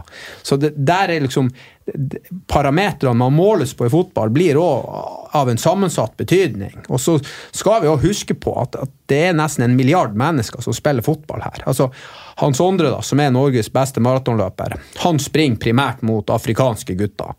De konkurrerer om de samme premiepengene, og de konkurrerer om de, de samme mulighetene til å leve av idretten.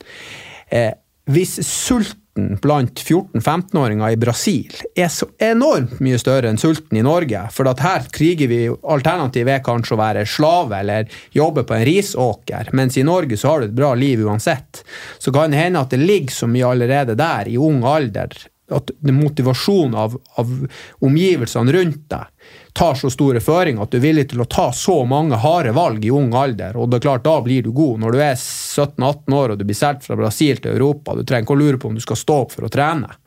Jeg tror, jeg tror den motivasjonsbegrepet og den kulturen til å finne altså Idrett på sitt høyeste nivå handler jo om utvikling. Har du utviklingskultur, har du motiverte folk rundt, så tror jeg òg at det går an å utvikle fotballspillere og lag i Norge som er like gode som den gjengen av Nils Arne Eggen hadde på 90-tallet. Det er jeg helt overbevist om, men det må jobbes hardt. Kanskje hardere enn mange andre land, for at guttene du må jobbe med, de er så bortskjemt fra før av.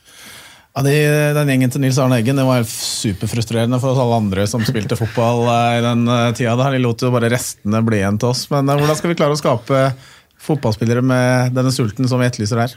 Har vi det kanskje noen av de allerede? Nei, men også, Veldig mye av det Kristian snakker om her, eh, snakkes det om i fotball. Eh, du må ha sult, du må ha dedikasjon, du må ditt og du må ha datt. Men eh, standarden vi har satt da, på hva som er bra jobba, og hardt jobba, det, der tror jeg vi, har, vi kan heve lista. og, det, og det, Da snakker vi om referanser, selvfølgelig. Alle kan se Messi er kjempegod, og han, eh, han eh, bruker fem minutter av kampene til å skanne motstander, og så begynner han å jobbe eh, på sin måte. Ehm, men det, det, handler om dag, dag, inn, dag ut, uke inn, uke ut, måned, måned, år, år. Ehm, å heve lista på hva som er bra. For det, det er ingenting vi sier oftere som eh, norske fotballtrenere enn 'bra gjort'. Men hva er egentlig bra gjort, og hva er standarden for bra? Så mm, det er utrolig mye å hente på den diskusjonen her. Og så sette det ut i livet og få det til å faktisk virke, da. Men men standarder, referanser og, og kunnskap, der, eh, der, er vi utømmelige. Vi, vi, får jo aldri nok. Norge er vel, kan vel kanskje påstå, Jan, en av verdens beste idrettsnasjoner.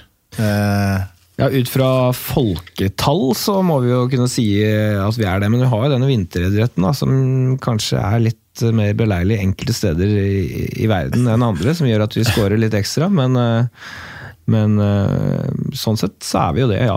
Det, det, betyr at besitter, eh, denne nasjonen besitter en del kunnskap om å drive toppidrett. Syns du at man måtte, klarer å spre den kunnskapen utover idrettsgrenene, uavhengig om det er individuell eller eller eh, lagidrett?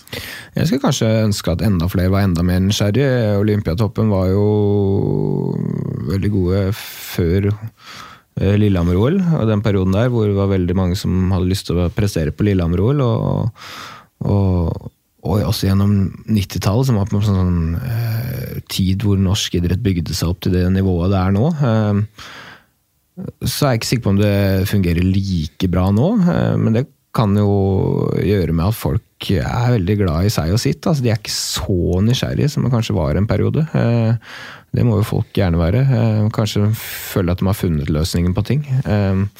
Og så er det vel litt sånn det er visse idretter da, som har, har, lite penger og er avhengig av på en måte hjelpen fra Olympiatoppen og miljøet der oppe, som er der, er der mest.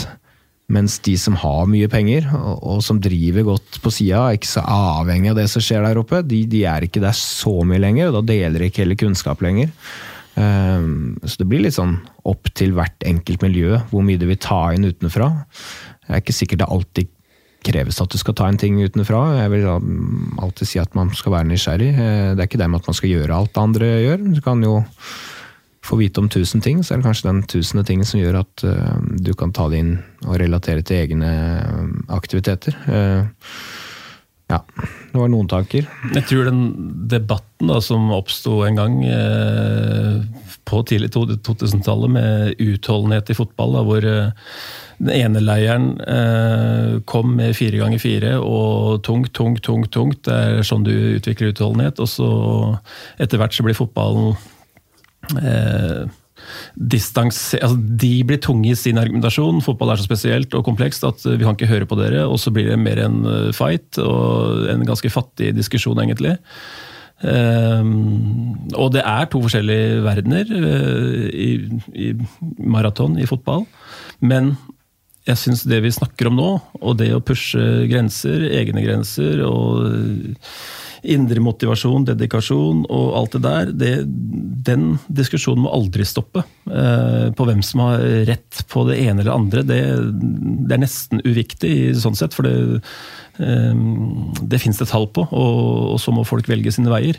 Men det å pushe egne grenser og bli den beste utgaven av seg sjøl, som jeg hører eh, så ofte mange snakker om, men det, hvordan ser det ut? Og da syns jeg jo Christian skissere litt da, hvordan det ser ut for å kunne løpe temmelig fort, temmelig lenge. Eller virkelig fort, virkelig lenge. Jeg har et bra bilde på akkurat det der den, disse to forskjellige eh, skolene da, innen fotballfysiologi. da man kan si det sånn. Jeg hadde jo Kjetil Rekdal som trener i mange år, og så overtok eh, via noen omveier så overtok Martin Andresen, og så kommer Kjetil Rekdal tilbake. Da var jeg ikke lenger treneren min, men for da hadde slutta. Men Eh, Kjetil Rekdal sverger jo til den gode, gamle skolen. Skal mye løping, eh, enten fram og tilbake over banen, eller rundt banen, eller fireminuttere, eller lange drag i skogen. Denne typen, for han skal bygge opp motor, som han sier. ikke sant? Dette er veldig viktig for Kjetil Rekdal i hans trenerfilosofi. Så kommer Martin Andresen, som mer hadde vært eh, kanskje litt mer nysgjerrig på det som foregår der ute. kom med den der, Heiv seg veldig på den der eh, Raymond Verheien-bølgen, som dere kanskje ikke har hørt navnet på. men altså han han, han, var mer den derre ok, vi skal ha korte, intensive økter, det skal være fotballrelatert, det skal være en helt annen type eh, fysisk trening enn det Kjetil Rekdal var med på. Ehm, eh, og så eh, tenkte jeg underveis i den at når man har det sånn, så er det også veldig avhengig av at du har en nok kvalitet i den typen økter som, som Ferheien-stilen. Fordi hvis du trener kortere og mer intensivt, men det er ikke mer intensivt. Altså, fordi du, du, du, har ikke kvalitet nok i treninga til å gjøre den så intensiv at den gir effekt. Så blir du kanskje ikke så god. da. Hvis man ser på Barcelona eller på de som andre som drev den type idrett, så har de antageligvis så bra kvalitet i sin trening. Og det de klarte å gjøre på den korte økta, da, det var nok til å være god nok bli godt nok trent på det, mens vi var ikke vant til den type trening. Og det tok inn det over oss selv at Uh, det, det, jeg gjorde i dag det, det, altså, Når vi slo en pasning og skulle være hurtig, så gikk ballen over kaikanten. og Du måtte gå og hente den, og så måtte du begynne på nytt. det, var liksom ikke kanskje kvalitet nok i det da, til å opprettholde det trøkket som skal være i en sånn type. Men det ville vært da, at man investerte i det over tid, at man ble bedre til det, kanskje. Kom Rekdal tilbake til Vålerenga, så var det løping igjen. Da, så sa han at spillerne ikke var godt nok trent. og Det er sånn, to veldig sånn bilder på hvordan ulike liksom, metodologier liksom, treffer hverandre og ikke passer overens i det hele tatt. Men eh, det var bare et bilde på det.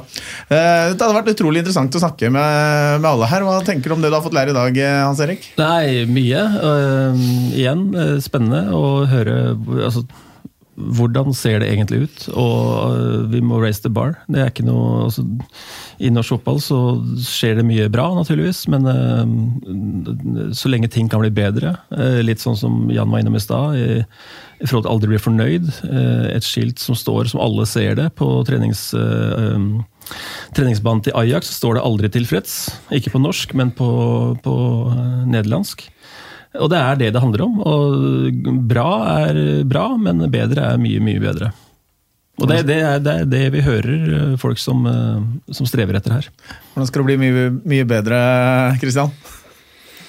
Jeg skal først og fremst ha trua på meg sjøl, og så skal jeg holde meg skadefri. Så jeg tror jeg at eh, resten kommer. Men eh, det, det, er klart at eh, de aller fleste som holder på med idrett, vet innerst inne at de har utrolig mye å gå på. Jeg vet ikke om hvis du uansett norsk idrettsutøver, hvis du hadde fått lov å prate med han, han ville hatt, ville hatt mange punkt han vet han kan jobbe med. Og eh, vi må, vi må tilbake dit, alle mann alle. Vi må gå i oss sjøl, og så må vi sørge for at morgendagen er bitte litt bedre enn i dag. Og så må vi holde oss skadefri.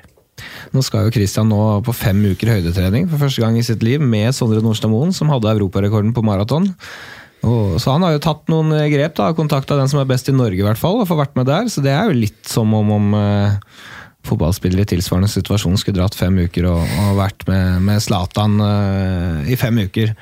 Jeg tror ikke Zlatan ønsker alle velkommen som vil det, men eh, løpingen er så liten i Norge at der går faktisk det. Så han skal få lære av det beste. Og Hvordan blir det første uke, første uke med høydetrening? Det, har du, vet du hva det går til? Ja, jeg har vært to uker før la meg, ja, oppe i St. Moritz, som ikke er helt like høyt som der han er i Sestriere. Men det er klart at eh, nå er jeg en god kompis med han, og det er jo det ligger på en måte i bunnen av det her. Og så skjønner alle at en mann som springer på 2,05 og en mann som springer på 2,21, den kan ikke trene alle treningsøktene sammen. Da er det i hvert fall én av oss som blir å gå i, i vifta. Men eh, jeg tror det er mye å lære på helheten. Tankegangen, viljen til å på en måte ta opp kampen mot de, med, mot de beste. og rett og slett den der eh, enorme lysta til å bli bedre hver dag. For her snakker vi om idrettsutøvere som har eh, like godt betalt som en norsk førstedivisjonsspiller som tilbringer 200-250 døgn enten i Kenya eller på 2000 høydemeter i Italia og er stort sett alene. Så her snakker vi om en uvanlig person, men også med et helt uvanlig lyst og en uvanlig drivkraft. Skal du bli best, så i hvert fall innenfor løping, så, så er det det som må til, mener han. Og så får vi, får vi se. Han er, han er nært de aller beste, men sjøl mener han òg at han er for langt unna. Så han er jo liksom han er der jeg er, eller der han Jan er. Han er der at han vet han sjøl kan bli bedre. Og det er, liksom, det er, det som gjør at han kommer seg opp om morgenen. Så får vi, får vi se hva vi får gjort med oss sjøl. Det blir i hvert fall eh, interessant å se på nært hold de siste fem ukene på de beste inn mot et sinnssykt viktig maraton for hans del i Valencia 1.12. Og så får vi prøve å ta med oss penn og papir og, og, se og lære og ta med oss noe tilbake. For det kan nok gi mye annet enn, en bare sånne fysiske ting. Det kan jo gi mentale ting òg her, som, er, som man forhåpentligvis sitter igjen med noe som er litt større enn som så. Jan, du skal eh, for først skal du prøve Klarer du å ta igjen han på maraton nå, eller? Nei, jeg har ikke sjans. jeg har ikke ambisjoner heller. Men du skal ut og følge norske eliten i, i skisporet eh, utover, eh, utover, vinteren. Hva forventer du da av, av det? Ja, jeg forventer vel at de holder samme nivå. Altså, ryktene sier at det trenes bra. Uh, jeg er spent på om uh, Klæbo kan bli enda bedre til å gå distanse. Han ikke bare flyr rundt og vinner uh, sprint. han er ikke så gira på å få bank hver gang han stiller på distanse. Så det er folk som må utvikle seg der også. Tre stykker som ble verdensmester for første gang i fjor. Skal de prøve å leve opp til det? Det er ikke bare bare det heller, hvis alle forventer at du skal vinne hver eneste gang. Det eneste som er sikkert, er at alle tre vinner ikke hver gang. Så det blir spenningsmomenter i vinter òg. Det er vel ikke en sånn vågal spådom å si at Johaug blir relativt god også i år. Jeg håper du eh, får rett. Eh, Hva skal være din utviklingsmål neste gang? Hans Å bli bedre. Ja, det var veldig, eh, veldig svakt. Eller veldig lite konkret. Hva skal du bli bedre på? Um, bli bedre på å være den beste utgaven av meg sjøl. Nå snakker jeg som en norsk fotballtrener. det gjør det. Tusen takk for at eh, dere kom og var eh, sammen med oss, Jan og Christian. Lykke til på høydeopphold. Takk for det. Det blir uh, Det trenger vi. Det hørtes tøft ut. jeg skal holde meg på lavlandet og kose meg, og så skal jeg glede meg til å se resultatene dine i maraton uh, framover. Hans Erik, er du fornøyd? Jeg er veldig fornøyd. Jeg syns vi har uh, fått blåst ut ganske bra. Jeg skal bare en helt avslutningsvis. Vi skal, eh, dette her, Dere drivet med deres eh, type fysiske trening. Eh, Vi skal i senere podkast Vi prøvde å få han med i dag, men han kunne ikke. Bård Homstøl han er en av Norges flinkeste fysiske trenere innen fotball. Han driver i Odd om dagen. Hvis du skulle utfordre han på noe til den podkasten han kommer og vi skal snakke om han, hva ville det vært, Jan? Ja, altså, hvordan bør en, eh, en uke bygges opp når det er kamp i enden av uka? Eh, Kan det gjøres grep som gjør at du får dytta inn mer trening på gunstigere tidspunkt der, hvis du er litt ekstrem? Eh, Og hvor stor grad bør han tenke langt fram i tid, og ikke bare de neste to-tre kampene for å bygge en egenskap? Det tar tid. Da kan man ikke bare trenke kortsiktig. Så hvor mye skal man da våge å trene i perioder? Deilig utfordring til eh, Bård der. Jeg gleder oss til å stille han det spørsmålet når eh, han kommer. Tusen takk eh, for at dere var med og takk for at dere hørte på.